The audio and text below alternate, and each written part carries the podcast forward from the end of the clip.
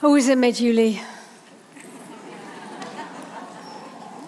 Wat een prachtige film, Lisbeth. Mooi. Dat raakt mij. Moest ik denken aan, ook omdat ik van jullie um, 46 vragen heb ontvangen.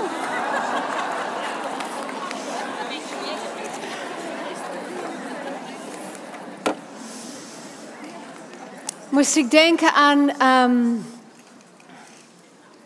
wat ik zei gisteren. Dat bij ons allemaal hoeven we maar een beetje door te krabben. Weet je, door die oppervlakte. Dan is er bij iedereen. Um, in het verleden, of in het nu, of in de toekomst. Um, uitdagingen, om het netjes te, zetten, te zeggen of pijn of moeilijkheden of uh, tragedie of onrechtvaardigheid.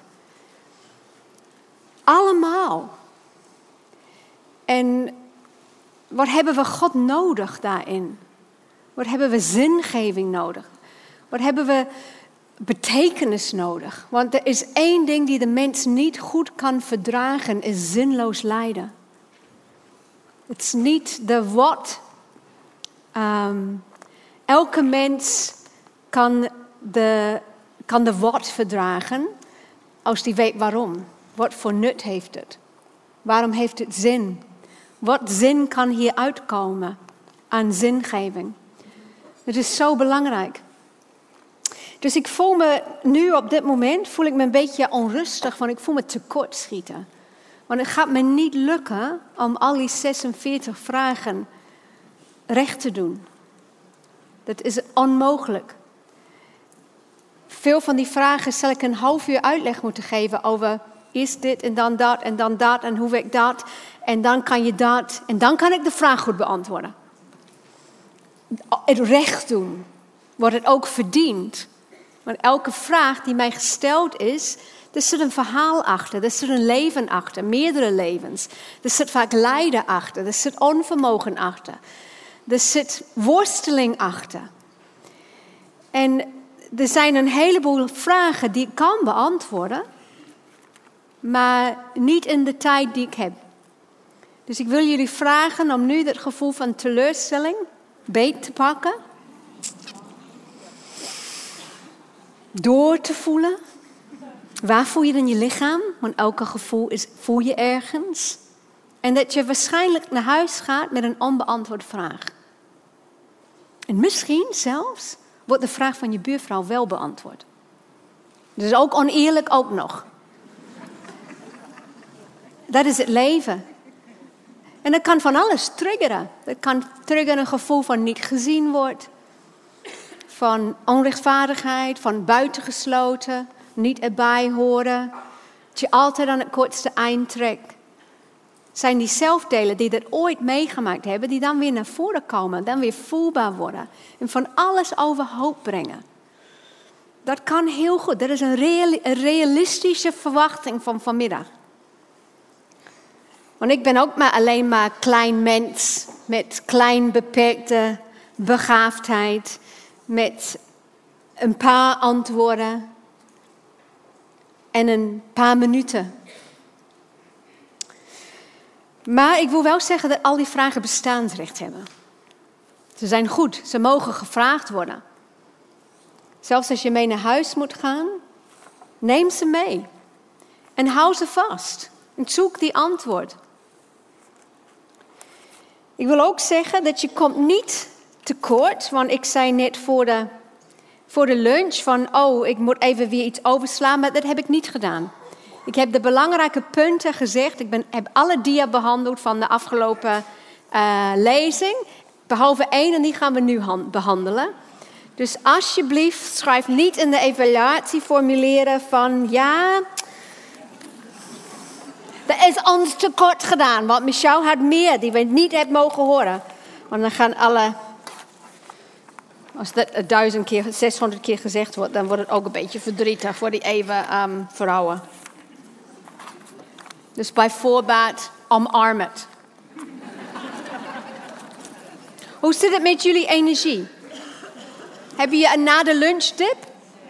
Kunnen we afspreken als je merkt dat je een na de lunchtip hebt, dat een paar je handen omhoog steekt als je merkt van je begint even in te kakken. Want dan gaan we weer wat beweging. Ik weet niet, ik kan geen capriolen vandaag uithalen in deze hele strakke rok. Die, mijn dochter, die, uh, ze, we hadden een kerst van, um, want wij vieren kerst met cadeautjes, niet Sinterklaas. Want wij zijn, ik ben een beetje, ik heb de regie. en... Um, maar afgelopen twee kersten, om te consumeren, hebben wij regiving kerst gehad. Dus dat betekent dat je alleen maar elkaar cadeautjes mag geven die van jou waren. Die al, weet je, iets van jezelf. Regiving. Dat deden we één jaar geleden. En afgelopen kerst deden we een tweedehands kerst. Dus je mocht alleen iets geven die tweedehands was. Nou, wil het zo zijn dat mijn dochter in Engeland die, uh, die werkte bij de uh, Holy Trinity Brompton kerk als uh, fotograaf, onder andere. Dat is de kerk waar die Alpha begonnen is. En zij woonde toevallig dicht bij de kerk in een hele chique wijk in Londen. en in dat hele chique wijk waren er een heleboel tweedehands klerenwinkels. En in die tweedehands klerenwinkels zijn er merkkleden voor zes pond, weet je wel, dat soort dingen. Dus in die tweedehands kerst bracht ze, eh, ik pakte die rok uit. Die ze in die tweedehands winkel had gekocht. Mama, dat moet je aan. Ik zei, mijn kont past er echt niet in. ik, heb, want ik ben gevoelig voor mijn billen, weet je wel. Ik heb altijd dikke billen en altijd opmerkingen over gehad. Dus ik ben heel gevoelig. Ik probeer het te camoufleren. Maar die dochters die hadden een blok, uh, die vormden een blok. Zij beweerden dat ik in die rok paste. Dus heen en weer discussie. Dus ik deed het aan. En, uh, maar ik heb zo wel zo'n ding eronder die alles. Hoe noem je zo'n ding? Zo'n uh, ding. Maar als ik vanavond naar huis ga, dan ga ik het uitdoen. Alles eruit. Ik doe mijn contactlenzen uit. Ik doe mijn bril op. Ik doe me alles eruit dat strak en knelt. En dan ga ik mijn pyjamabroek aan, mijn crocs. Ik laat mijn haar los, mijn vliestrui en dan omarm ik de lelijkheid. En de ontspanning die erbij hoort. Yes. Oh ja, en de hakken gaan natuurlijk ook uit.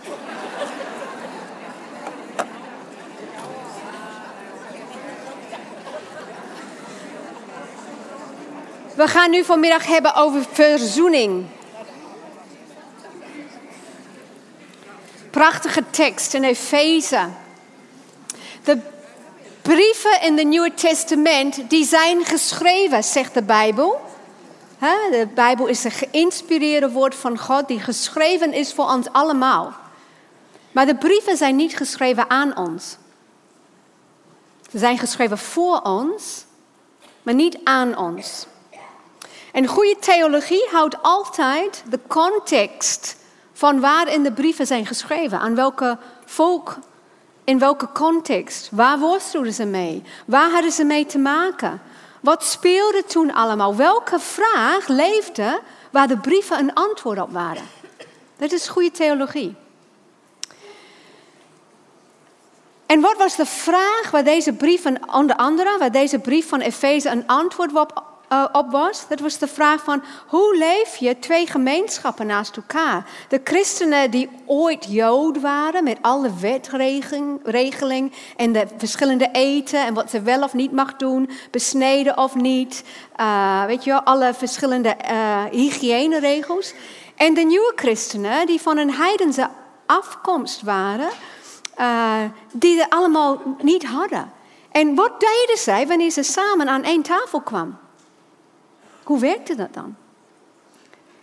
En deze brief ging over de verzoening en over hoe doe je dat? Hoe vorm je een nieuwe gemeenschap? Het lichaam van Jezus.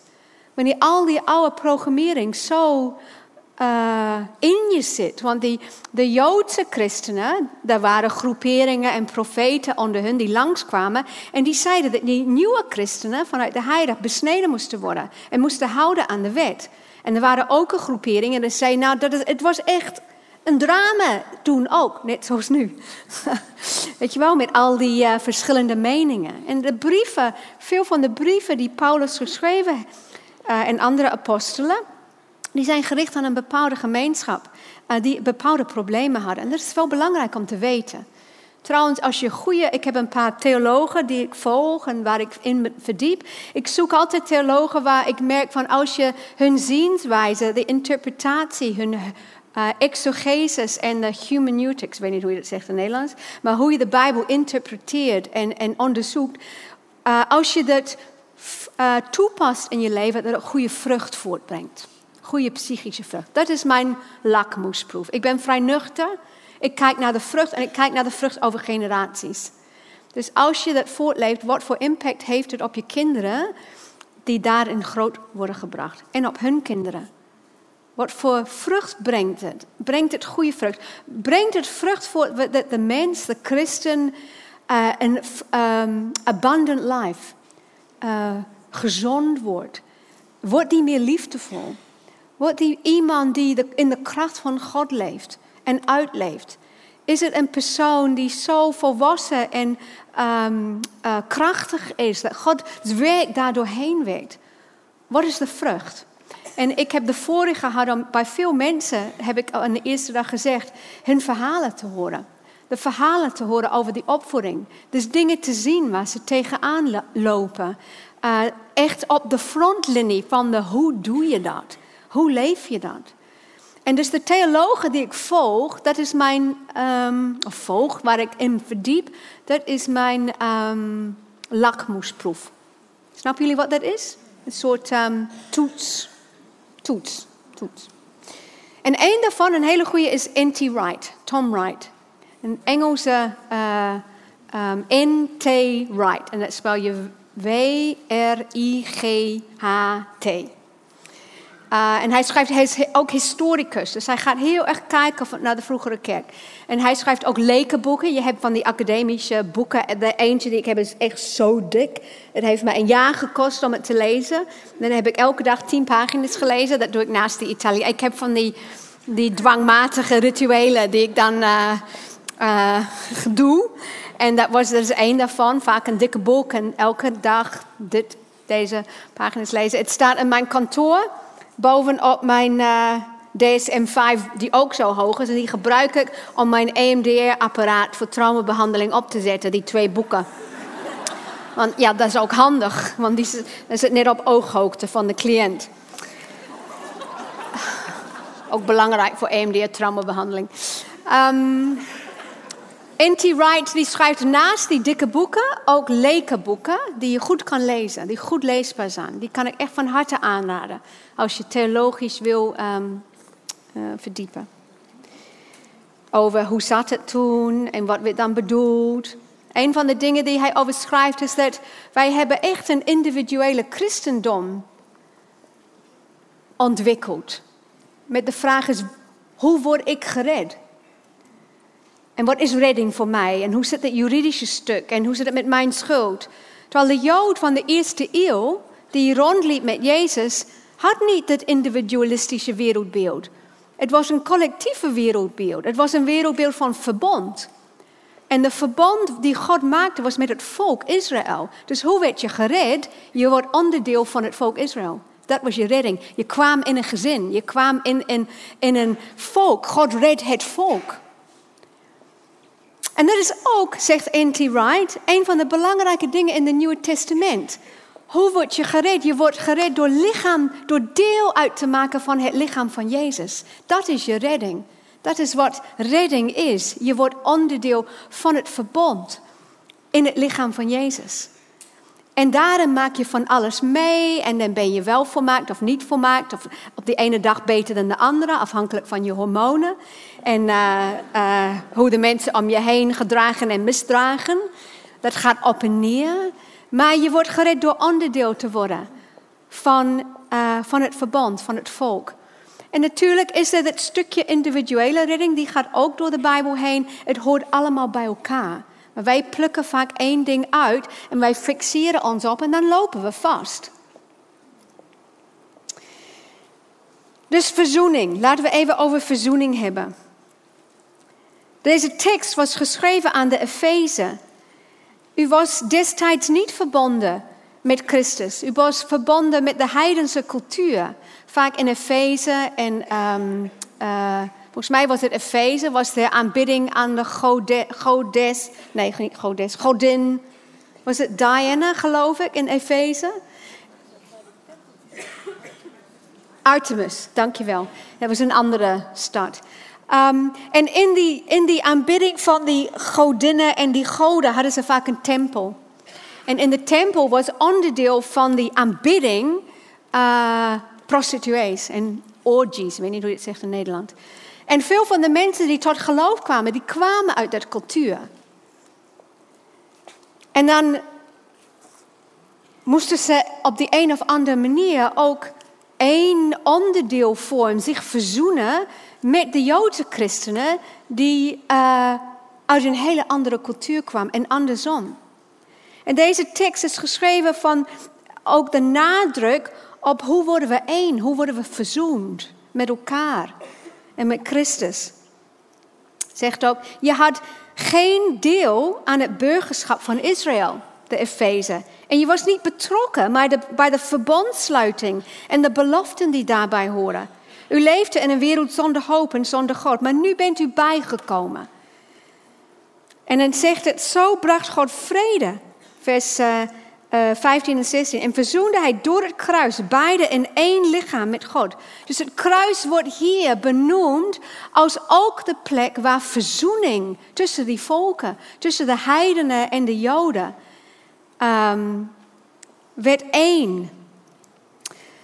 Ik wil ook deze Bijbelse principe ook toepassen op de verzoening die wij ook uh, in onszelf te doen hebben. Ik geloof heilig in het principe binnen is buiten. Wat je vaak ziet in de buitenwereld gebeuren, zegt ook vaak een heleboel wat er bij jou van binnen gebeurt. En wat er bij jou van binnen met al die zelfdelen um, um, gebeurt, herenseigneer je dat, recreëer je dat vaak onbewust in de buitenwereld. Ik wil daar niet heel diep op ingaan. Er is een, voor degenen die de Groundwork Basic hebben gedaan. Wie zijn dat trouwens? Wie heeft de Groundwork Basic training gedaan? Oké, voor jullie is er in onze vervolgtraining, de Grow, is er een hele les daarover, hoe dat werkt, als je daar interesse voor hebt. Voor degenen die de Groundwork Basic niet hebben gedaan, ik denk dat 10 of 15 van die vragen die ik gekregen heb, zijn op de vlak van hoe doe je dat? Hoe kom je bij je kern? Hoe doe je dat? Dat is, ik kan jullie niet vanaf deze podium een soort stappenplan. Want het is bij jullie allemaal, ziet het er anders uit. Er zijn wel principes en ik zal proberen de principes te geven en toe te lichten. Maar sommige dingen moeten doorleefd worden. En er zijn sommige mensen die autodidactisch er is niet heel veel mensen, een paar percentage, die iets kunnen horen en die kunnen dat toepassen op zichzelf. Sommige mensen kunnen dat doen, maar de meerderheid kunnen dat niet. Ze moeten ergens doorheen begeleid worden. Dus als jij hier zit en ik niet aan jouw vraag toekom, dan is een, een goede tip: ga naar een coach, uh, bespreek het met iemand, maak onderdeel van een training die daarop gericht is, en dan zal je ontdekken wat jouw vervolgstappen zijn. Dus als de vraag bij je leeft, wil ik je daartoe echt aanmoedigen.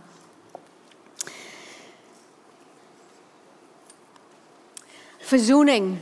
Weet je wat mij ooit heel erg geraakt heeft? Was op die dag wanneer ik besefte dat toen Jezus met de tollenaars en de prostituees at, wanneer hij met ze optrok, dat zij in alle waarschijnlijkheid die avond ook weer aan het werk ging. Of de dag daarop. Hebben jullie daar ooit bij stilgestaan? De, vaak, los van de, de prostituees in de tempel. In de tijd van de Joden, als je prostituee was geworden, was het heel vaak omdat als je uh, um, een van de redenen was dat je ook op geen andere manier je geld kan verdienen. Mensen werden ook een beetje gedwongen vaak, ook in de prostitutie, omdat ze moesten zorgen. En er was geen man die de inkomsten inbracht. Daarom was het zo schande als je niet zorgde voor de weduwe uh, in je gemeenschap. Want hoe konden zij op een andere manier uh, geld binnenkrijgen? Dus die vrouwen hadden ook vaak dat inkomstenbron nodig. En dus denk je nou dat, uh, dat ze eenmaal tot bekering kwam en dan in één keer afgelopen waren? Vaak zijn we een beetje simplistisch in onze denken. We, zijn, we hebben de neiging om dingen uit te sluiten in plaats van in te sluiten. En dat is wat verzoening over gaat. Verzoening gaat over um, hoe gaan we daarmee om wanneer het nog niet volmaakt is, wanneer het niet is zoals het hoort, wanneer het niet is zoals het klopt, wanneer het niet is zoals het ideaal zou zijn. En daar lees ik ook een heleboel over in jullie vragen.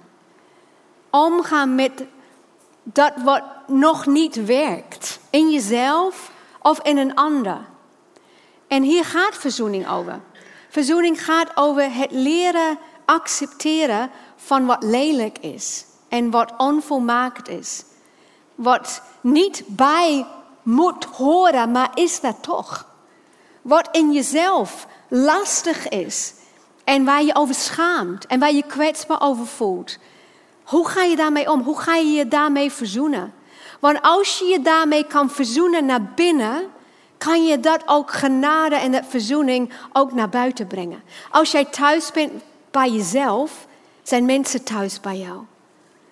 Als je accepteert wat er is, dan zullen ook mensen om je heen geaccepteerd worden. Wanneer jij jouw innerlijke criticus de mond heeft gesnoerd en wanneer je het getemd hebt, zodat er een hulpbron wordt in plaats van een draak die over je heerst, dan zou je dat effect hebben ook op de mensen van je heen. Dan wordt het leven lichter. De werk die je te doen heeft, is in je binnenwereld. En wat mij verdrietig maakt, dat heeft mij altijd verdrietig gemaakt, is dat christenen heel vaak de neiging hebben om de binnenwereld te negeren. Om het te onderdrukken, om het weg te zetten. Maar God wil daar juist zijn herstelwerk doen. Hij wil daar zijn koninkrijk brengen. Door jou heen. Verzoening. Oké, we zijn gisteren begonnen bij focus. Waar richt je? Wat is het verlangen van je hart? En wat is de kracht van God? Hoe stroomt dat kracht? De kracht van kwetsbaarheid in en door je heen. De moed dat je durft je eigen tekortkomingen en dat wat niet, de behoeftes die niet vervuld worden. En de nare gevoelens, wat je liefst vermijdt, dat je die durft onder ogen te zien. En de dankbaarheid, het stilstaan bij het positieve. Maar niet als een trucje, maar ook de waardering, zodat je de ruimte creëert in je leven om toch de blik naar binnen te werpen, zodat je kan verzoenen met jezelf, verzoenen met God, uh, verzoenen met de dingen die moeilijk zijn. En ik heb vanmiddag gewoon een paar tips voor jullie, praktische tips. We beginnen bij, um, dus dit heb ik ook uh, als eerst, uh, zorg wat je gerichtheid is. Um, even kijken. Ja, hier ga ik op dia 2. Beetje chaotisch ben ik. Hou je aandacht bij je focus. Denk terug aan gisteren. Hou je aandacht bij je focus. Um, hebben jullie behoefte aan een beetje neurowetenschap? Niet echt, hè? Ja, juist wel? Oh, Oké. Oké, dan ga ik even een heel klein beetje voor degenen die geïnteresseerd zijn. Je brein is gemaakt van systemen. Beetje simplistisch gezegd, maar voor, om het helder te maken. Je hebt ook zoeksystemen in je brein. En die hebben ook te maken met je emoties. En je hebt actiesystemen. En je hebt motivatiesystemen. Dus je hebt drijfveren of driften of zoeksystemen die je aanzetten tot actie en iets te doen. Um, En die worden actief aan de hand van waar jij je aandacht op richt. En zij helpen jou, die systemen, ze begeleiden je in waar je je aandacht op moet richten. En wanneer je je aandacht erop gericht hebt, bepaalt dat wat je waarneemt. Dus dat is fascinerend, hè? Dat is een belangrijke uh, hele, ken, um, hele um, toonaangevende onderzoek gedaan. En die wordt steeds opnieuw gedaan en steeds komen dezelfde uh, resultaten uit. Een onderzoeker die um, gaf mensen die opdracht. Je moet, er was een team van drie mensen die in zwart waren gekleed en een team van drie mensen die in wit waren gekleed. Wit en zwart. En ze speelden met elkaar uh, basketbal. En op een video. En die uh, proefmensen, die kregen die opdracht, richt je op die witte team en tel hoeveel keren ze de bal naar elkaar toe gooien. Is die opdracht. En dat, dat duurde drie minuten. Na die uh, proef kwam die onderzoeker naar die proefpersonen toe. En die zei, nou, hoeveel hebben ze geteld? Hoeveel heen en weer heb je geteld? En die proefpersoon zei, nou, dertien keer. Nou, dat was goed of fout. Dus waar, waar waren ze op gericht? Op de bal hè? en op de witte team. Want ze wilden het goed doen, toch? Jullie, jullie, zullen het ook goed willen doen.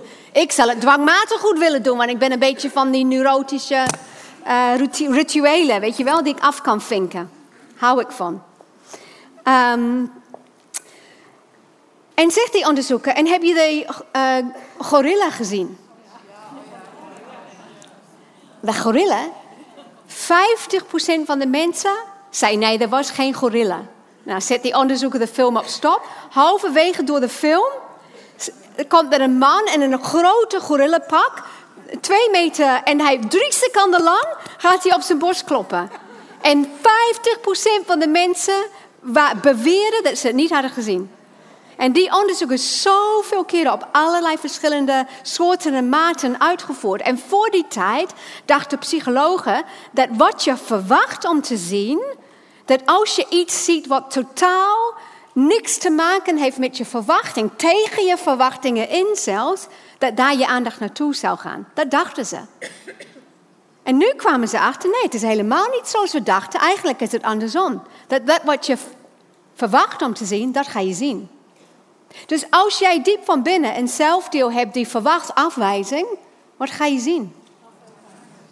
En als jij diep van binnen een uh, zelfdeel hebt die uh, verwacht dat je niet gehoord wordt, of vernederd, of overruled, of gedomineerd, of gekleineerd, of buitengesloten, dat is wat je gaat zien. Dat is eng. Toch? Ik vind dat, ik vind dat, jemig, ik ga echt aan mezelf werken. Zo'n motivatie krijg ik dan. Dus als je bezig bent, misschien ken je dat, je bent bezig met, een, met iets wat je moet doen. Je bent bezig. Zit je te werken of zit je bij de televisie of zit je. En je hebt honger. Je hebt honger. En dan krijg je uit het niets een beeld, die door je hoofd, kleine filmpje van, ja, waar krijg je? Kaas, ik krijg, ik krijg een rijstcracker met pindakaas met chocola en hagelslag. Of heel erg, maar als ik chips in huis heb, dan krijg ik, ik zie waar die chips zijn. En dan denk ik, dat is een zak chips. En ik zie het. En dan denk ik vijf keer nee. Hebben jullie dat ook? Er komt een beeld. En dat is die hypo, um, even kijken wat die is. De hypothalamus, dat is een stukje van je hersens, die doet dat. Want er is een actiesysteem, wordt geactiveerd, een motivatiesysteem. Dat is honger. En dat motivatiesysteem, die zorgt ervoor dat een beeld van eten door je heen gaat.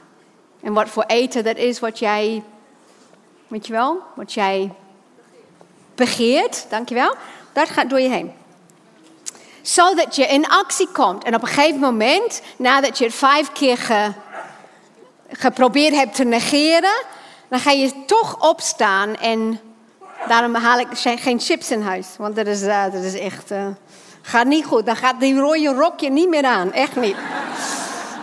En ik kan ook niet stoppen. Weet je wel? Dat, is, dat, dat zakje moet leeg. Kleine zakje. Hè?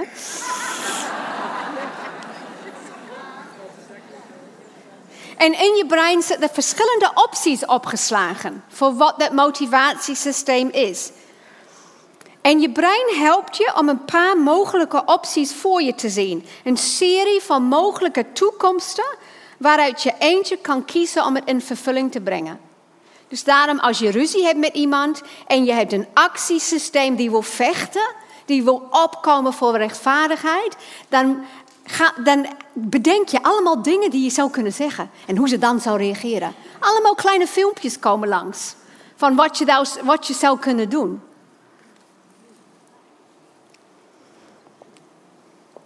En als je dan bijvoorbeeld als we honger neemt, als je dan geen eten krijgt voor een week, dan ga je dromen over eten. Dus je hypothalamus in je hersen bepaalt je gerichtheid. Het helpt jou, waar ga je nu op focussen? In het mini. En je gerichtheid bepaalt wat je ziet.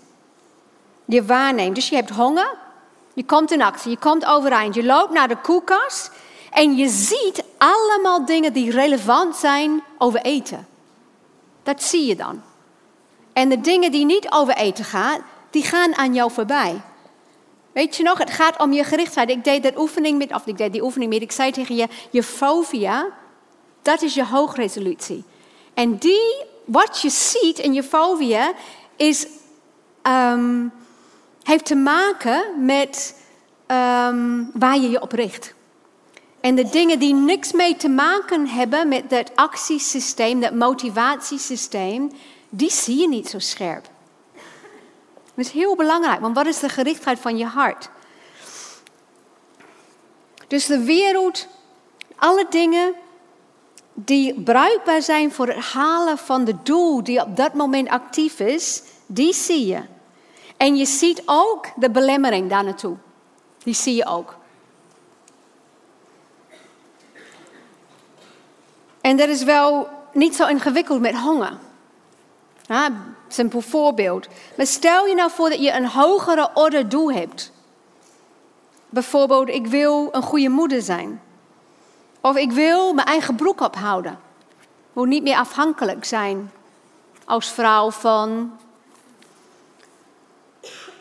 Dan zou het kunnen zijn als je merkt dat je. Dan is, of dan is het meer ingewikkeld. Maar het zou ook kunnen zijn als jij merkt van ik heb, ik richt mij op iets, maar het loopt steeds vast. Dan zou het kunnen zijn dat je richt je op het verkeerde.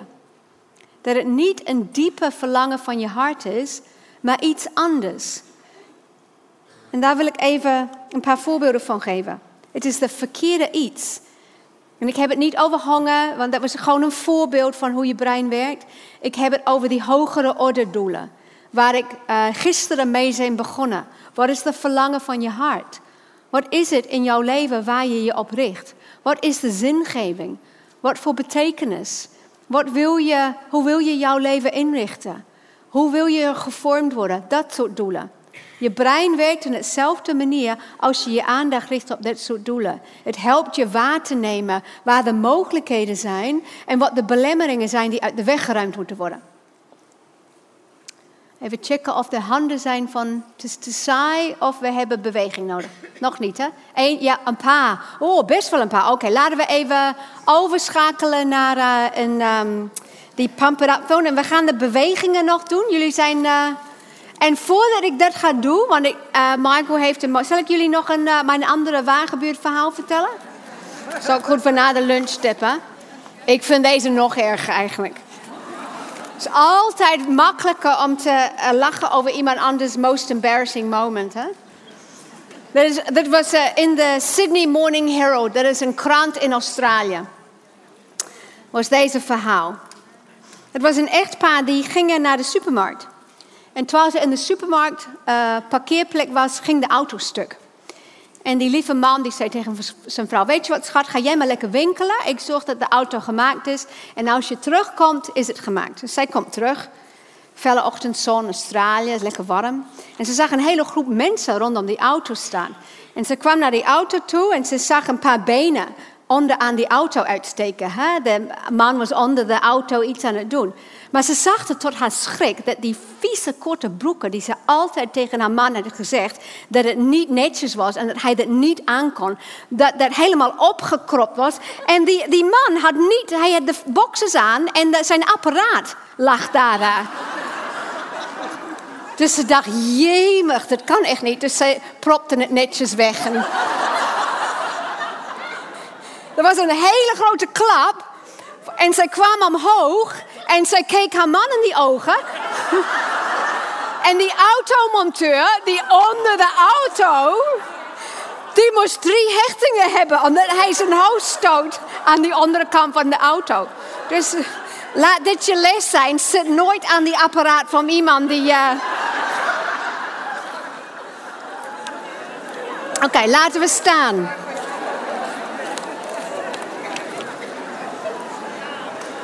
Even bewegen. Samson in de pilarenweg. Ik hoor geen muziek. Yes, komt-ie.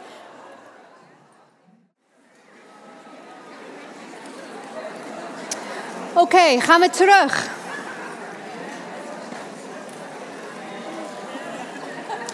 Ik zei net, voordat we zo gek gingen doen. Ik zei net dat het kan ook zijn dat je richt je op de verkeerde dingen. Weet je dat nog? Oh. Veeg het weg. Weg. Dat was een. Never mind, we gaan er niet heen. Voordat ik die mopje vertelde, zei ik dat als je steeds tegen dezelfde dingen aanloopt en je denkt van daar wil ik naartoe, dat het zou kunnen zijn dat je je richt op, ja, dat, de verkeerde ik durf het bijna niet meer te zeggen. Ik geef je een paar voorbeelden. Je richt je op geluk in plaats van betekenis of zingeving. Weet je, geluk is iets heel transient, is bedenk ik in Engels. Heel, um, hoe vertaal je transient? Heel um, vluchtig? Vluchtig. Geluk is een soort momentopname van genieten. Maar als jij daar je hele leven jou, je richt op geluk, dan leef je een hele oppervlakkige leven. Terwijl als je, gericht je richt op zingeving en betekenis zijn, dan richt je je op iets dat leven lang um, um, een fundament van je leven kan zijn. Dat is niet voor niets dat Dirk uh, de Wachter, de psycholoog, zegt: joh, we, uh, we denken dat we allemaal gelukkig moeten zijn, maar diep verdriet en soms depressie en rouw. Vond ik prachtig, die woord van Lisbeth vanochtend. Ik leef daarmee, want dat doet mijn kind en King, uh, recht. Ze horen om gemist te worden dagelijks. Weet je wat, dat is wat rouwen is als je een kind verloren hebt of iemand dierbaar. Het is niet dat je er een plekje geeft in een kast, ergens in een diepere kelder. Je leert daarmee leven met de gevoelens van rouw. Je leert het verdragen. Je leert dat het deel wordt van je geschiedenis. Je leert dat het je helpt om um, je aandacht te houden op wat echt van belang is. Het verdiept je, het wortelt je. En dat is niet geluk. Je wil dat bijvoorbeeld dat niemand boos op je is. In plaats van jezelf kunnen zijn in een relatie. Weet je, als jouw gerichtheid is, ik wil dat iedereen om me heen gelukkig is, en daar zijn vrouwen best wel gevoelig voor, dan ga je een groot probleem hebben, want dat is een onreële doel. Maar dat kan je niet. Er zijn, dus bij uh, mens zijn hoort dat conflict. Want anders ben je niet beide aan het opereren vanuit je autonomie. Want je behoeftes en je wensen, die botsen. Dat is relatie. En je zal daarmee uit moeten komen. En je zal die strijd aan moeten gaan. En een conflict aan moeten gaan. En je zal moeten verdragen dat mensen soms boos op je zijn. Daar hebben ze goed recht om boos op je te zijn. Maar wij denken vaak dat wij die anderen moeten managen, zodat het allemaal goed is. Maar dan loop je vast. Of bijvoorbeeld, je wil erkenning van die anderen in plaats van zelfrespect. Weet je wel, het is goed om een behoefte te hebben aan erkenning. Niks mis mee. Maar als jij niet dat onvervulde behoefte aan erkenning kan dragen, dan waarschijnlijk komt het dat je geen zelfrespect hebt.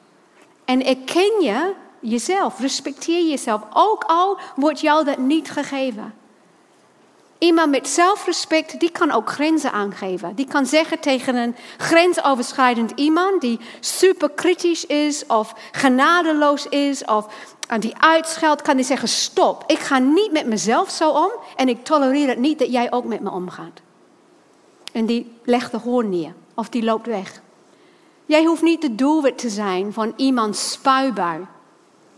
Soms moet je dat wel even, even verdragen als je pubers hebt. Want die hebben dat niet helemaal in de hand.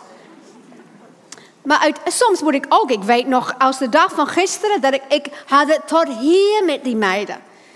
Want die maakten elke ochtend ruzie voor onze slaapkamer door. We was de badkamer. We hoefden nooit een wekker te zetten. Ik zweer het, tien jaar lang. En waar ging de ruzie over wie wiens kleding aan had. En uh, weet je, dat gaat allemaal over. En uh, mijn man die was opgegroeid in een harmonieuze gezin. Dus die schrok zich, weet je wel, wat is hier aan de hand? Uh, hij moest leren om gewoon, weet je wel, jullie moeten het uitzoeken. Want als hij zich tussen mengde, dan werd hij de probleem. Weet je wel? Ze draaiden alle drie om en gingen naar aanval. Um, dus soms moet je dat verdragen. Oh ja, ik weet als de dag van gisteren dat ik op de trap zat en ik was het zat. En ik zei tegen, ik begon te huilen. En ik zei, I've got feelings too. en die meiden, dat was, mijn oudste dochter was 14, ze keek me aan en ze vertelt nu nog steeds dat dat een openbaring voor haar was. dat zij mij zag als een medemens die ook gekwetst kan worden, weet je wel. Het duurde wel lang voordat het doorcijpelde naar gedrag, maar het was wel een inzicht. Dus je zou moeten verdragen uh, als je kinderen hebt of als je vervelende collega's hebt, dat ze soms boos op je zijn, onterecht. Of misschien heb je, je wil dat je zeker weet hoe het zit. In plaats van met onzekerheid om te leren gaan en te blijven leren. Misschien heb je een gerichtheid. Ik wil gewoon weten hoe het zit. Ik wil gewoon weten hoe het zit. Ik wil alle antwoorden op al mijn vragen. Ik wil geen grijze fuzzy-gebieden hebben. Want daar kan ik niet tegen. Ik wil gewoon duidelijkheid. En als dat jouw gerichtheid is, dat ga je nooit krijgen in deze leven. En eigenlijk is de verlangen, daarom heb ik het over de diepe verlangens van je hart, die een laagje dieper gaan. Want wat wil je door de duidelijkheid? Je wil gewoon dat het veilig wordt. En wat wil je door de erkenning? Je wil gewoon er ook meedoen, erbij horen. Je wil dat je waardevol gevonden wordt. En wat wil je als je um, wil dat niemand boos op je is? Je wil gewoon uh, echt verbinding, een echt contact hebben en jezelf kunnen zijn. Te kennen en, te, en gekend te worden. Dat is liefde. En dat is de diepere laag in ons ziel, bij ons kern, waar we allemaal mee moeten komen. Maar vaak reageren we vanuit dat afweerlaag. En dan wordt het niet verlangens, dan wordt het eisen. Ik heb een behoefte aan erkenning en mijn man moet mij dat geven. Of ik heb behoefte aan, uh, ik las een vraag, iemand zegt, en stel nou dat ik zeg tegen mijn man, ik heb behoefte omdat die voor de kinderen zorgt. Dat is niet een behoefte, dat is een strategie. Een behoefte is, ik, heb, ik voel me overweldigd en ik heb even wat tijd voor mezelf nodig, dat ik weer bij mezelf kan komen en oplaad. En een strategie kan zijn hoe je dat behoefte vervult, dat hij voor de kinderen zorgt of iemand anders. Maar heel vaak communiceren we in strategieën in plaats van behoeftes.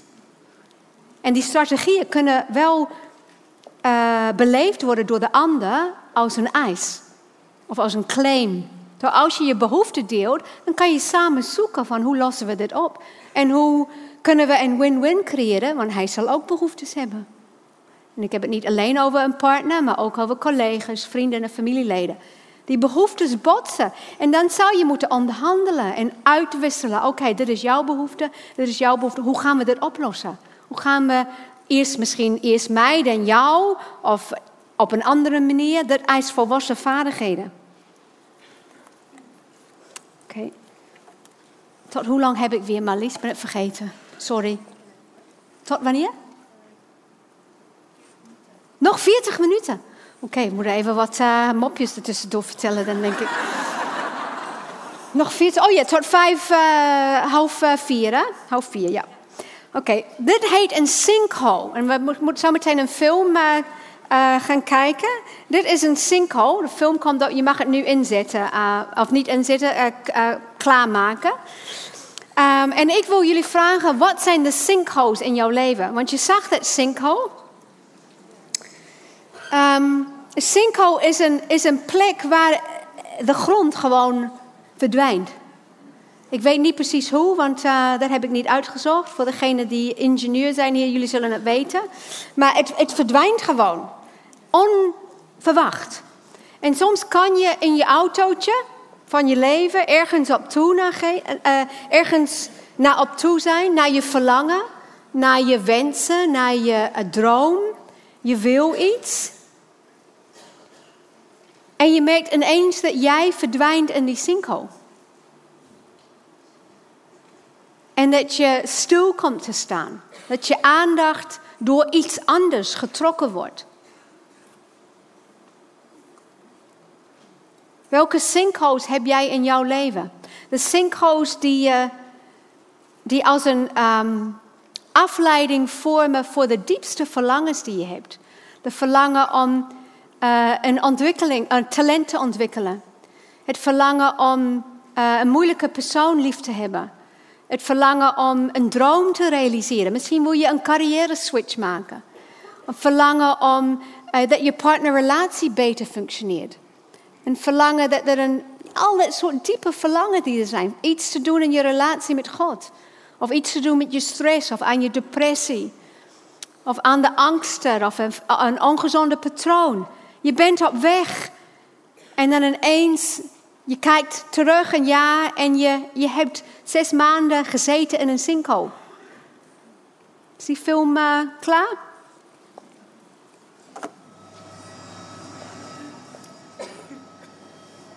Indrukwekkend, hè?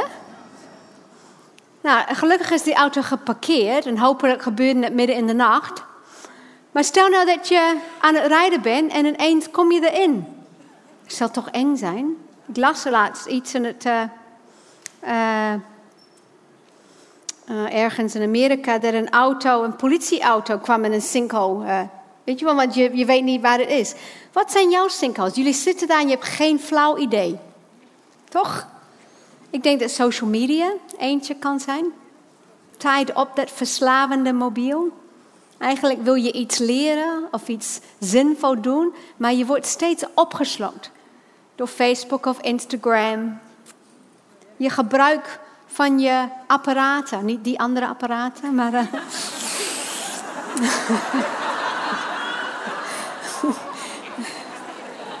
die, uh, de mobiele apparaten. Ja, die. Pleasing. Pleasing kan een sinkhole zijn. Iemand, je ziet iemand lijden en voordat je het weet, zit je met je handen midden in hun leven om het op te lossen. Wie zijn de pleasers onder ons? De helpers. Wij zijn de goedenisvrouwen. Uh, blame it on the oxytocin. Maar het is, het is zo'n gewoonte dat je je soms kan pleasen uh, in de mate dat je niet genoeg zelfzorg toepast. Want je moet eigenlijk goed voor jezelf zorgen, zodat je blijvend voor een andere kan blijven zorgen. Pleasen kan een sinkhole zijn. Verplichtingen. Verplichtingen. Dit zijn alleen voorbeelden. Hè? Dus misschien, het kan ook zijn dat jij iets bedenkt die ik hier niet op heb. Maar verplichtingen, dat je denkt van, ik moet weer naar die verjaardag. Om de verjaardag te doen. Of ik moet naar die kerkvergadering. Of ik moet nou eenmaal, want die heeft mij uitgenodigd. Dus ik kan niet maken als ik niet terug ga reageren op die uitnodiging. Wat zijn andere verplichtingen die jullie hebben? Sport, oh ja. Sporten, ja precies. Dat is, valt inderdaad bij mij in de categorie van verplichtingen. Wat nog andere. Dat is meer iets wat. Sporten is meer iets wat goed voor je is en je zal het ergens toe moeten eigenen. Terwijl ik heb het over dingen die je ja zegt, waar je nee bedoelt. want sommige dingen zijn goed voor je, net zoals gezond eten. Je hebt er niet altijd zin in. Maar goed zou zijn is wanneer je vanuit je volwassen zelf uh, het, je keus om het te doen, zelfs als je het niet wil, toe-eigent. Maar ik heb het over de dingen, de verplichtingen, wat je niet wil en die zijn ook niet goed voor je. Maar je doet het omdat iemand anders het van je verwacht. Of je verplicht. Dat soort dingen. Wat valt daaronder? Mantelzorg, ja. Ja, dat kan een verplichting zijn. Vooral als het op jouw schouders rust. En dat je denkt dat je geen time-out voor kan vragen. En niet aan jezelf toe kan komen. Terwijl als je mantelzorger wil zijn of kan zijn, of je denkt van dat is iets wat ik wil, dan zou je ook extra goed voor jezelf moeten zorgen. Anders hou je dat niet vol. En ga je daaraan kapot. Andere verplichtingen? Ouderparticipatie op school. Luizenmoeder en voorlezen en wat nog meer? Al die dingen die je denkt van ja. Soms is het, soms als jij merkt van ja, daar ben ik niet goed in en dat wil ik niet en dat kan ik ook niet. Soms is het beter om nee te zeggen en een gaatje te laten vallen. Maar dan kan je ook niet mekkeren over het feit dat het er niet is voor jouw kind. Snap je? Met die één vrijheid hoort vrijheid en verantwoordelijkheid gaan altijd samen. Dus er zijn ook situaties, je wil die vrijheid hebben van ik wil dat, dat voor mijn kind, dat die voorgelezen wordt, dat de luister gecheckt wordt, dat dat, dat, gedaan wordt. Um, maar ik wil er niet, zelf niet aan meewerken. Dan heb je een innerlijke conflict. En dat zijn situaties van als je kiest van nou, ik neem de consequenties van mijn keuzes om niet mee te doen, dan kan ik niet en wil ik niet overklagen. Maar je kan niet beide. Je moet altijd de verantwoordelijkheid nemen van de keuzes die je maakt. Dat is wel een hele belangrijke principe. En ik heb mijn kinderen getraind en mezelf tegen mezelf te zeggen: hier heb ik voor gekozen. Hier heb ik voor gekozen. Dat helpt mij om de verantwoordelijkheid, om van een verplichting een verantwoordelijkheid te maken. Want soms zijn de verplichtingen die je eigenlijk ergens ook, je wil wel dat iemand het doet. En soms zijn er verplichtingen waar je, je, je vindt het zinloos. En je gelooft niet in het hele systeem. En dan gaan een heleboel mensen het hele onbehulpzame systeem in stand houden door te mekkeren aan de verplichtingen te voldoen, zodat het nooit omheen valt. Snappen jullie wat ik bedoel? We houden het met elkaar overeind. Doordat wij allemaal braaf aan de verplichting voldoen, maar eigenlijk moeten we de gaten laten vallen. Want niemand wil het. En we moeten een nieuwe oplossing vinden. Maar als er genoeg pleasers zijn, er is vaak in elke organisatie een pleaser. En iedereen zegt nee, dat gaan we niet doen. En die pleaser, die verzamelt nog meer en nog meer en nog meer. En die voelt zich ook overbelast. Maar die pleaser, die zorgt ervoor dat het hele ongezonde systeem doorgaat. Soms zijn de verplichtingen, ik kan niet bedenken wat voor jullie de verplichtingen zijn. Maar sommige verplichtingen kan je een creatieve oplossing voor vinden. Um, door het uit te besteden als het kan. Of door de keus toe te eigenen. Maar het kan ook een sinkhole zijn. Andere sinkhole is vermijdingen. Als jij ergens naartoe wil gaan en elke keer als het spannend wordt, dat je het vermijdt. Dat je de, de, de conflict uit de weg gaat bijvoorbeeld.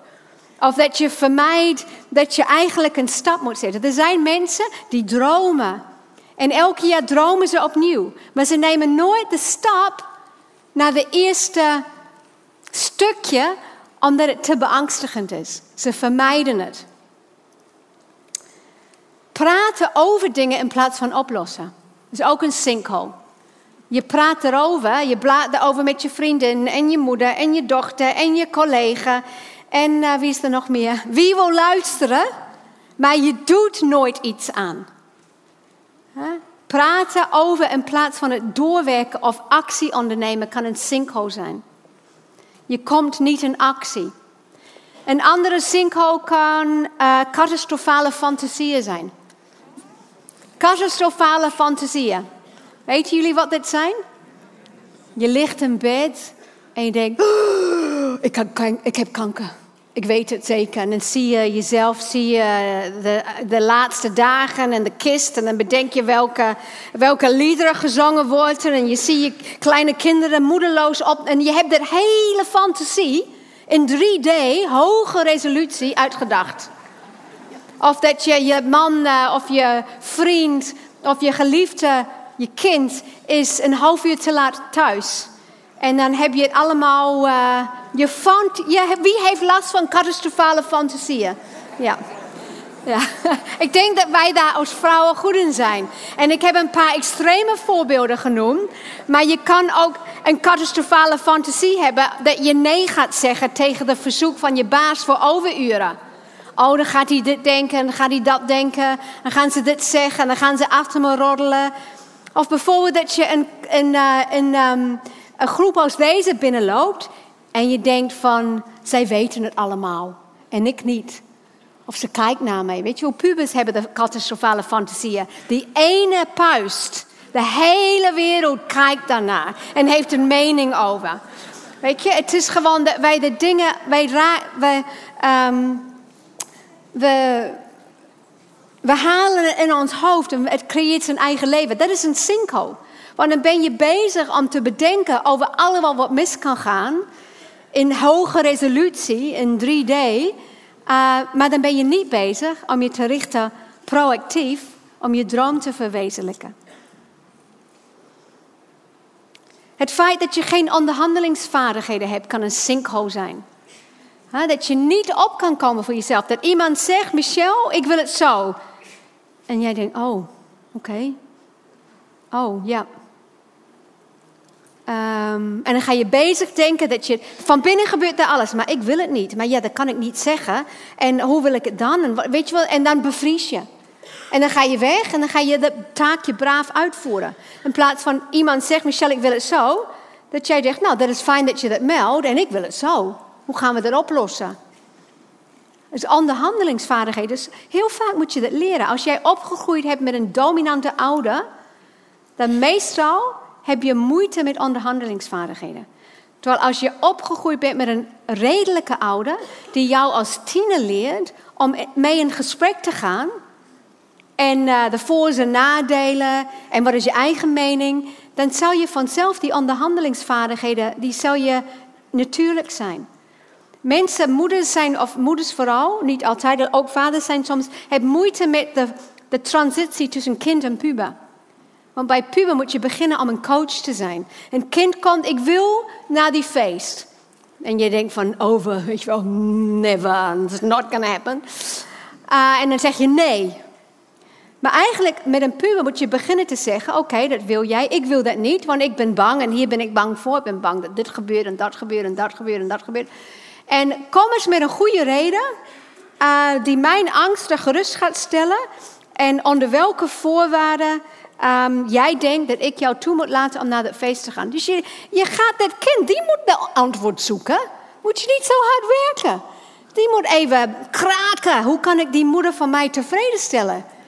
En dan komt die met allerlei geniale oplossingen. Je denkt, oh, nou ja, prima, had ik zelf niet bedacht. Want die wil natuurlijk door het feest. Die heeft een motivatiesysteem. In plaats van het feit dat wij allemaal zitten hard te werken om dat nee vast te houden. Het is de creativiteit van de jonge brein te benutten. En je kind te leren dat die mag echt voor zichzelf opkomen. En je een redelijk gesprek wil hebben. Ik, zeg, ik heb vaak tegen mijn kinderen gezegd: ik onderhandel niet met terroristen. Weet je wel? Als je met mij wil onderhandelen, dan ga je kalm worden, dan ga je zitten, dan gaan we het erover hebben. En dat vind ik prima. Maar ik word niet gegijzeld om door jouw emotie dat ik het gevoel heb dat ik onderhandel met een terrorist. Daar begin ik niet aan. Dat is een goede om je kind onderhandelingsvaardigheden te leren. Oké, twee laatste sinkholes. Uh, slachtoffer zijn voelt veiliger dan verantwoordelijkheid nemen. Het voelt veiliger om te klagen, om machteloos te zijn, om in een put te zitten. Want als je verantwoordelijkheid neemt en dingen gaat doen, dan kan je daarop afgerekend worden. Of het kan falen. Dus het kan veiliger voelen om gewoon stil te zitten. Om je angst voor falen of afkeuring veel groter is. En een laatste sinkhole is dat je prestatiegericht bent in plaats van verlangengericht bent. Je wil gewoon uh, prestatie, om dan uh, zegt het wat over jou. Dat is jouw manier om status te krijgen. Maar dat is niet het najagen van je innerlijke droom. Dus mijn tip is: gooi je sinkhole dicht. Gooi je zinkhol dicht. En ik wil gewoon twee, drie minuten nemen nu dat je uh, met je buurvrouw even gaat uitwisselen. Wat is jouw nummer één sinkhole? Noem het aan elkaar. En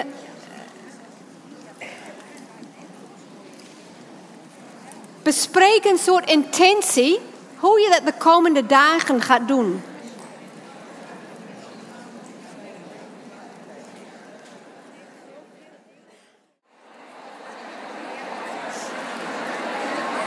Oké, kom met je aandacht hier terug.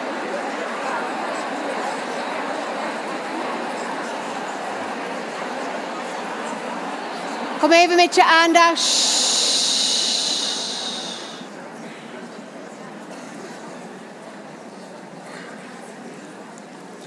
Ik ben een stuk kleiner, maar ik heb mijn schoenen uitgedaan. Ze zijn vrede en vijandig. ik krijg zere voeten. Dat is wel veel uren staan hoor. Ja. Die anderen van gisteren waren veel comfortabeler. Je had mijn crocs mee moeten nemen. Oh, I love my crocs. Het is paniek in huis. Mama heeft weer de crocs verloren. Ja, als mijn crocs kwijt zijn. Maak contact met je behoeften. Maak contact met je behoeften. Dat is tip, nog een tip. Waar heb je echt behoefte aan? Weet je nog, ik had die, die de hechtingsbehoefte. Maar het kan ook zijn dat je behoefte hebt aan autonomie. Misschien heb je behoefte aan gezien te worden. Misschien heb je behoefte aan te, ertoe te doen. Waardevol gevonden te worden. Erkenning, op iemand kunnen rekenen. Acceptatie, je behoefte aan zorg. Of behoefte aan zelf te mogen bepalen.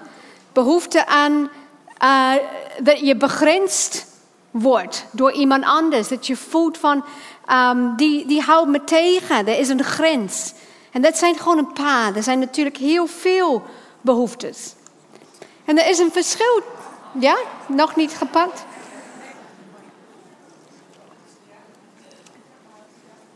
Dat is gewoon een paar voorbeelden. Waar heb ik behoefte aan? Waar heb ik behoefte aan? In dit moment.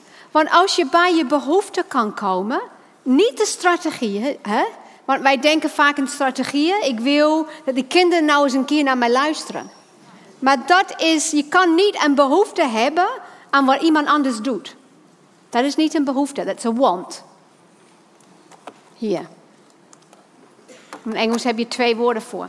Heb je dat ook in Nederlands? Behoeften en wensen, toch? Ja, wensen zijn. Dat is een wens. Ik wil dat, ik, dat iedereen doet wat ik zeg. Ik wil the world according to Michelle. Ik wil voor een dag dat er gewoon naar mij geluisterd wordt. Dat zal toch heerlijk zijn? Ik wil dat iedereen achter zichzelf opruimt. Ik wil dat iedereen achter mij opruimt. Ik wil. Um, ja, je kan zoveel willen, maar dat is niet verlangen, dat is niet behoeftes. Dat zijn strategieën voor waar heb je behoefte aan. Dat zijn een paar dingen, zoals veilig voelen. Um, gevoelen dat je ertoe doet. Voelen dat je leven, leven zin heeft. Voelen dat je geliefd bent. Dat je op iemand kan rekenen. Dat er iemand is op wie je, jij kan leunen. En dat je gesteund voelt. Je voelt. En je wil dat iemand het doet, maar de behoefte is dat jij adem kan halen. En weer op kan tanken met energie. Maak contact met je behoeftes. En ik wil elke, zelfs als het een, zelfs als het een um, strategie is, en zelfs als je merkt, ja, ik zou eigenlijk willen dat iedereen achter zichzelf opruimt. Nou, dat mag ook erkenning hebben van jou.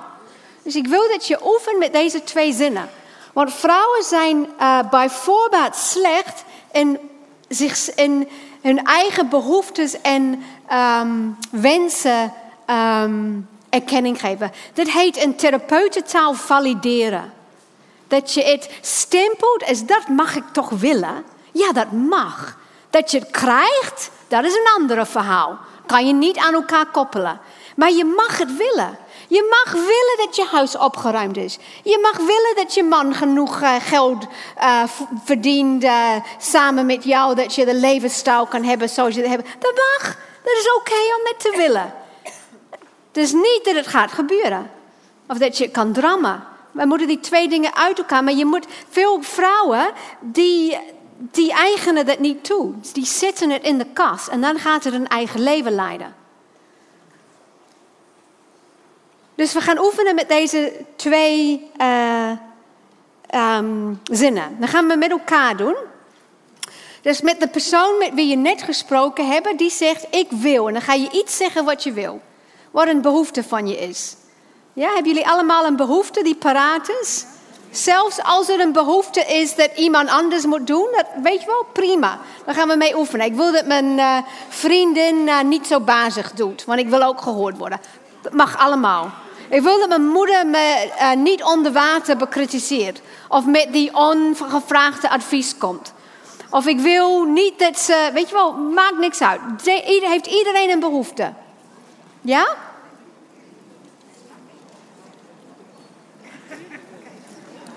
Ik maak ernstig zorg over als je niet weet waar je behoefte aan hebt. Maar dat, weten jullie wel, hè? Oké, wat wij gaan doen. Persoon, spreek af wie A en B is. Wie is A en wie is B? Oké, spreek af wie A en B is. Ja? Oké, steek je hand omhoog als je A bent. Ja? Steek je hand omhoog als je B bent. Oké. B zegt tegen A nu waar die behoefte aan heeft.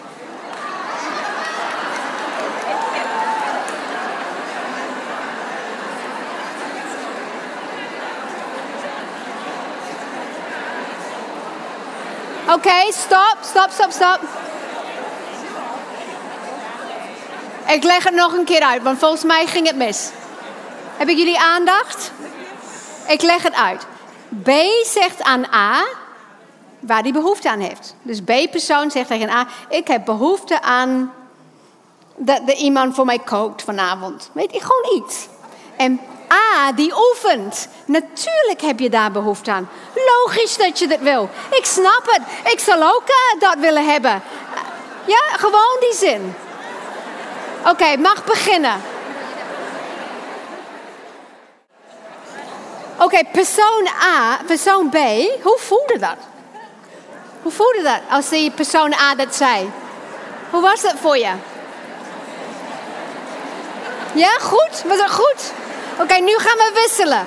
Gaan we nog een keer doen. Persoon A. Shh.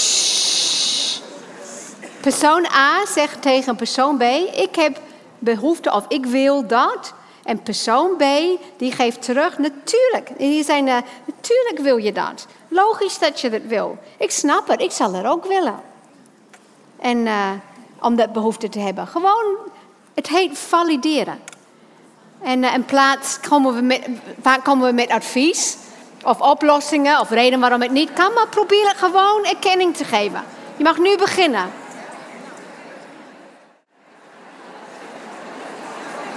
We zijn hier niet zo goed in. Maar wat wij heel vaak gaan doen. wat we heel vaak gaan doen als vrouwen, als moeders, als echtgenoten, als vriendinnen, als collega's.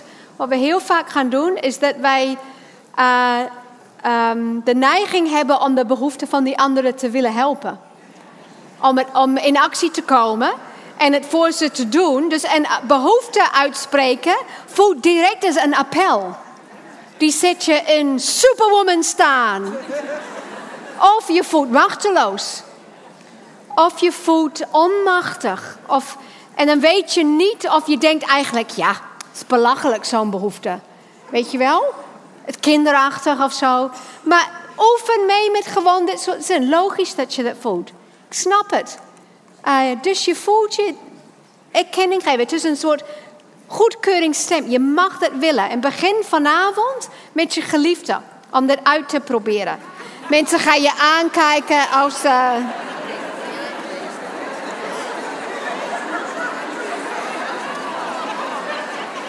Oké. Tweede.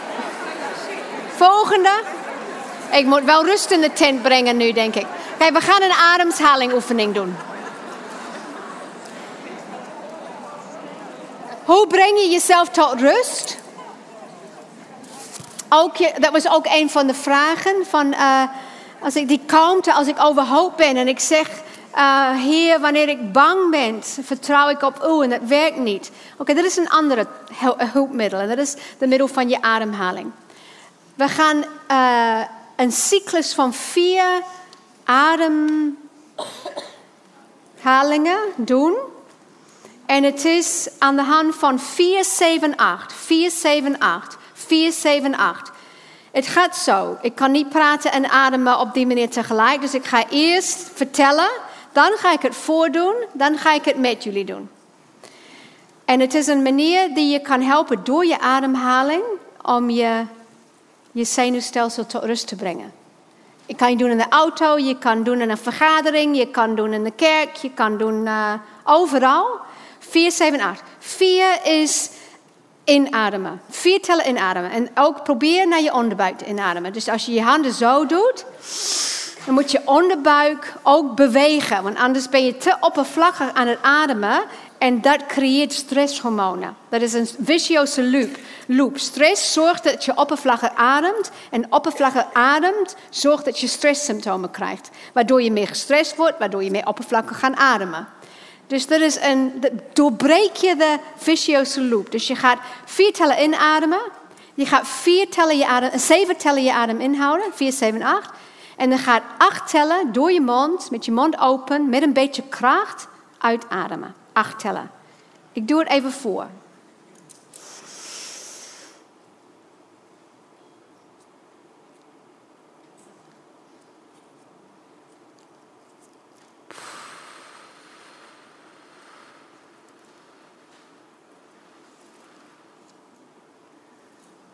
Zelfs iets langer als je dat kan.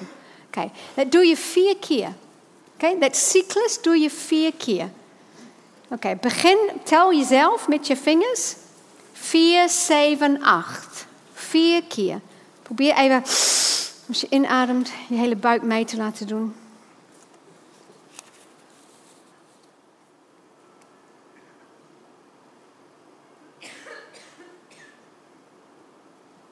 duurt ongeveer twee minuten. Ik denk dat we zo bijna. Wie heeft vier cyclussen gedaan? Oké, okay, gaan we door. Weet je, scherpschutters in de leger, die leren ademhalingtechnieken. En andere, maar die leren, want die moeten in oorlogssituatie scherp schieten. ze moeten echt. En om dat te doen, moet je in rust zijn. Anders kan je niet goed mikken. Maar hoe ben je in rust in een situatie waar het levensgevaarlijk is en alles staat op het spel? Ze trainen die scherpschutters eh, dat gelijk als ze in gevaar zijn, dat zij anders gaan ademen. En dat is in een box. Dat is 4, 4, 4, 4. Vier tellen inademen, vier tellen adem vasthouden, vier tellen uitademen, vier tellen wachten totdat je, tot je opnieuw inademt is ook een andere ademhalingtechniek. Waarom? Omdat het brengt je zenuwstelsel tot rust. Dus als je in een crisissituatie bent en je hebt geneiging om te hyperventileren, herinner deze ademhalingstechniek 478. Oké, dat was een trucje om jullie stil te krijgen. Het is geen gelukt.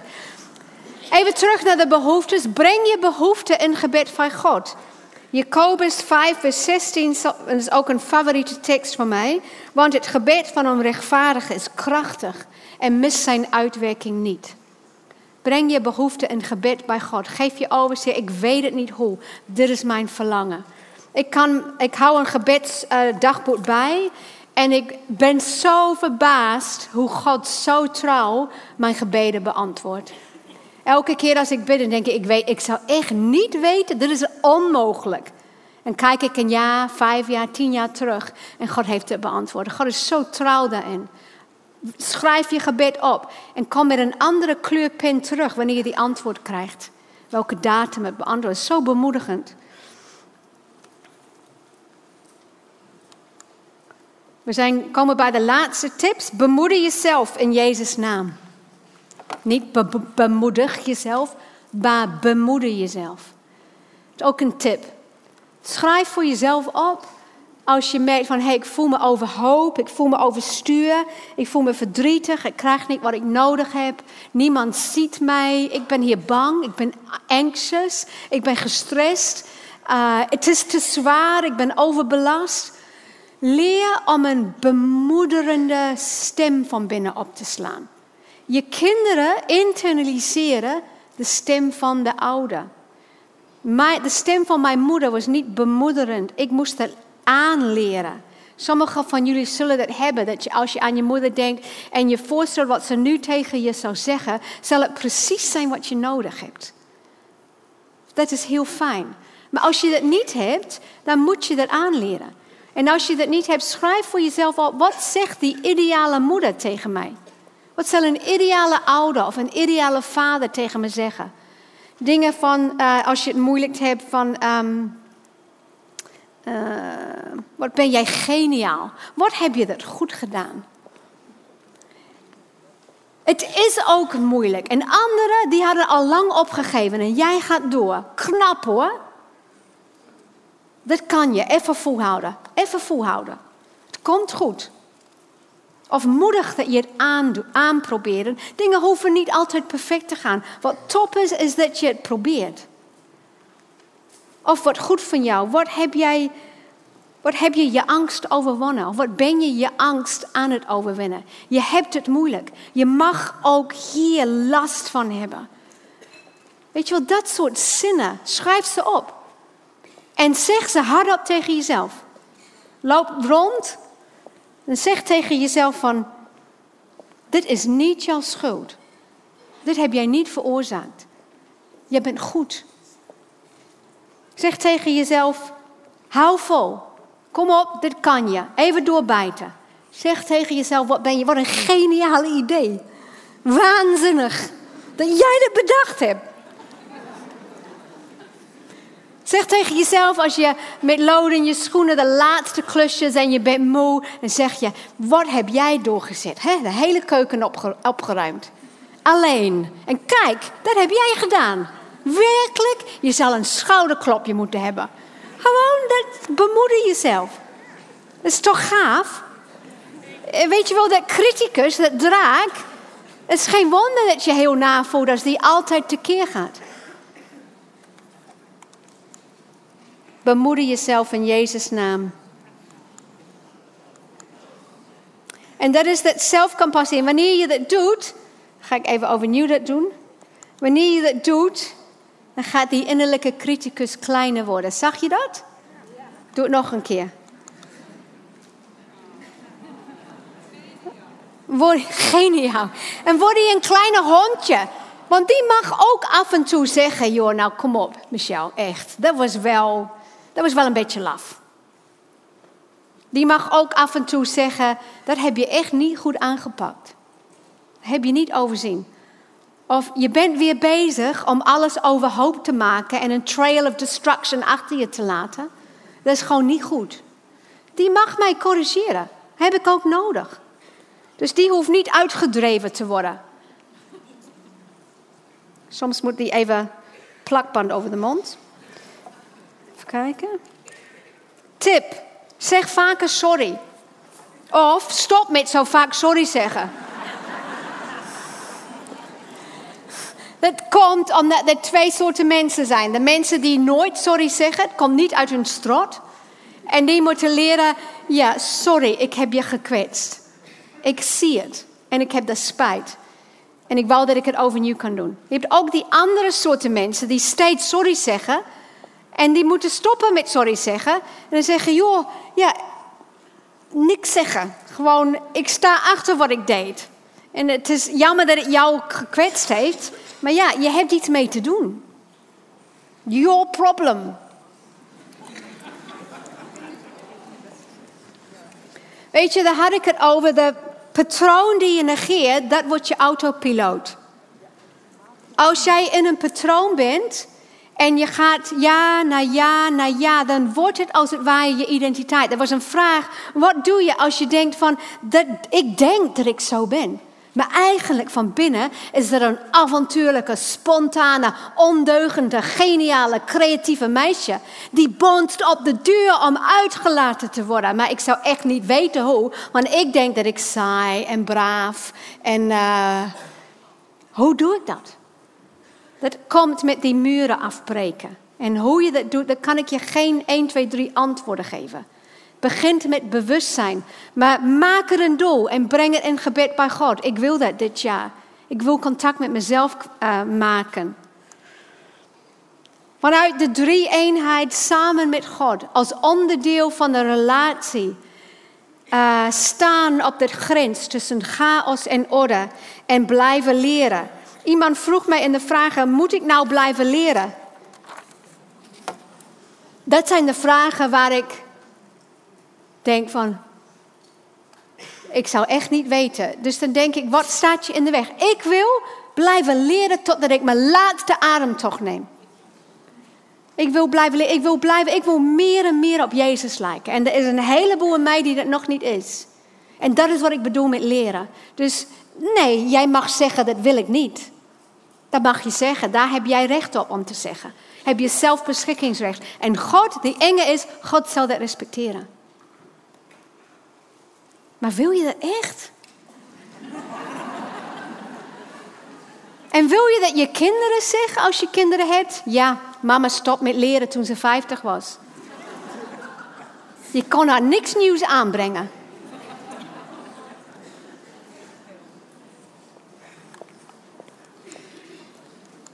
Hier zijn de tips. Richt je aandacht op de goede doel. Gooi je sinkholes dicht. Maak contact met je behoeftes. Breng je behoeftes in gebed naar God. Bemoedig jezelf in Jezus' naam. Zeg vaak sorry of ophouden met sorry zeggen.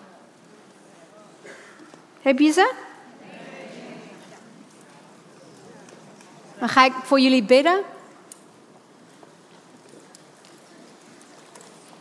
ga eigenlijk een gebed met jullie. Die moet je even aandoen. Daar is die. Het is een gebed van de vroegere kerk. Ik vind het zo'n prachtig gebed. Laten we het samen bidden. Hemelse koning. We beginnen opnieuw. Hemelse koning, troosten, geest van de waarheid, die overal tegenwoordig is en alles vervult. Schatkamer van het goede en schenken van het leven. Kom en verblijf in ons. Reinig ons van alle smet en red onze zielen, o Goede.